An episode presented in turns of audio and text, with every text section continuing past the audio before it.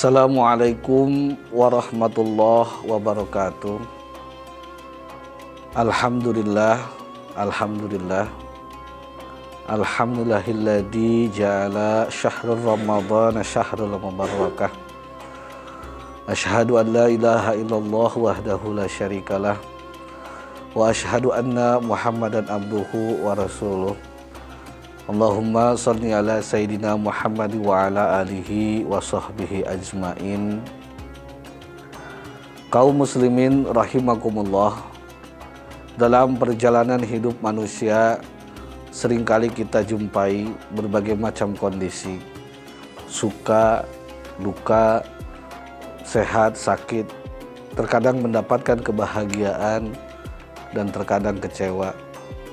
Hal-hal tersebut datang silih berganti.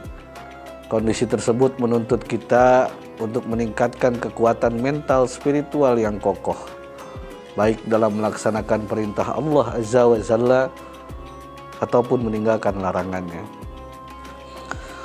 Sebagai seorang muslim, kita harus tetap taat dengan apa yang diperintahkan oleh Allah. Walaupun banyak halangan yang datang menimpa kita, begitupun halnya sudah menjadi kewajiban sebagai seorang muslim ketika dihadapkan pada larangan Allah, kita harus mampu untuk senantiasa meninggalkan larangannya. Cobaan dan ujian yang Allah berikan adalah sebagai bagian dari dinamika kehidupan untuk menggapai ketakwaan. Problematika yang dihadapi oleh setiap manusia sebagai hamba Allah seyogianya dihadapi dengan mental dan spiritual yang kuat serta hendaknya kita menampilkan sifat sabar. Setelah menyadari hidup penuh persoalan, sebagai muslim hendaknya kita senantiasa menunjukkan kesabaran sebagai pertahanan rohani.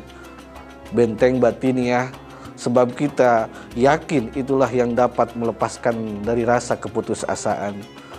Begitu pula dalam menerima ujian Allah sebab yang demikian itu telah dijanjikan oleh Allah Subhanahu wa taala di dalam surat Ali Imran. Bismillahirrahmanirrahim.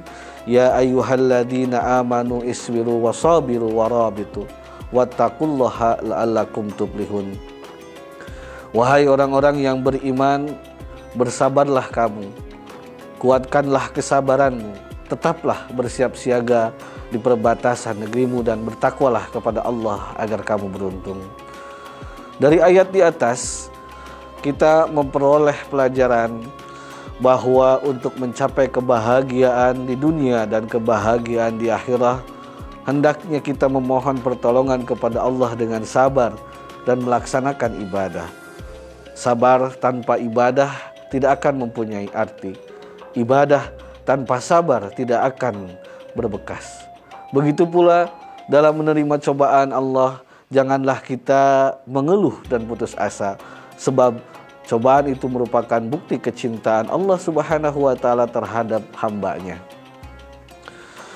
Pemirsa yang dirahmati Allah Subhanahu wa taala, kita menyadari bahwa tidak ada keberhasilan tanpa jerih payah. Tidak ada kebahagiaan tanpa penderitaan. Penderitaan lahiriah maupun batiniah harus kita hadapi dengan sabar. Karena di balik itu semua Allah Subhanahu wa taala menjanjikan kemudahan. Allah Subhanahu wa taala berfirman, "Innamal usri yusra." Sesungguhnya bersama kesulitan itu ada kemudahan. Dari uraian di atas nyatalah keutamaan sifat sabar. Dengan sabar kita akan memperoleh kemenangan, keberhasilan dan mendapatkan kemudahan. Kita tidak dibenarkan untuk mengeluh dan berputus asa sebab mustahil tumbuhan-tumbuhan yang baru ditanam akan segera berbuah.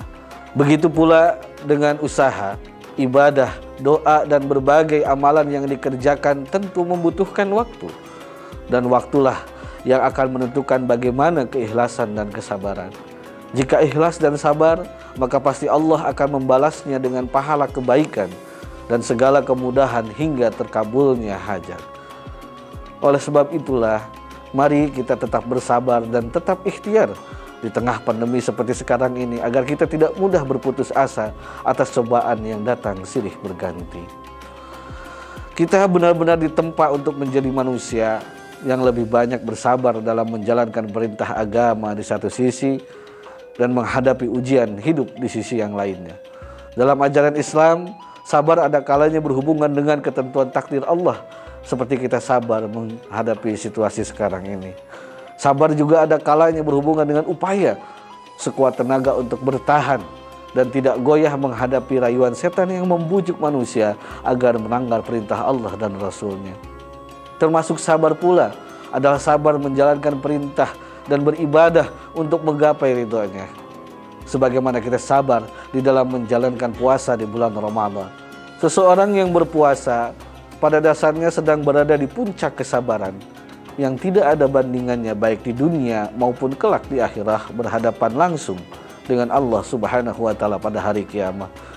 Salah satu nama Ramadan adalah Syahrus Sabar, bulan kesabaran. Mengapa Ramadan disebut bulan kesabaran?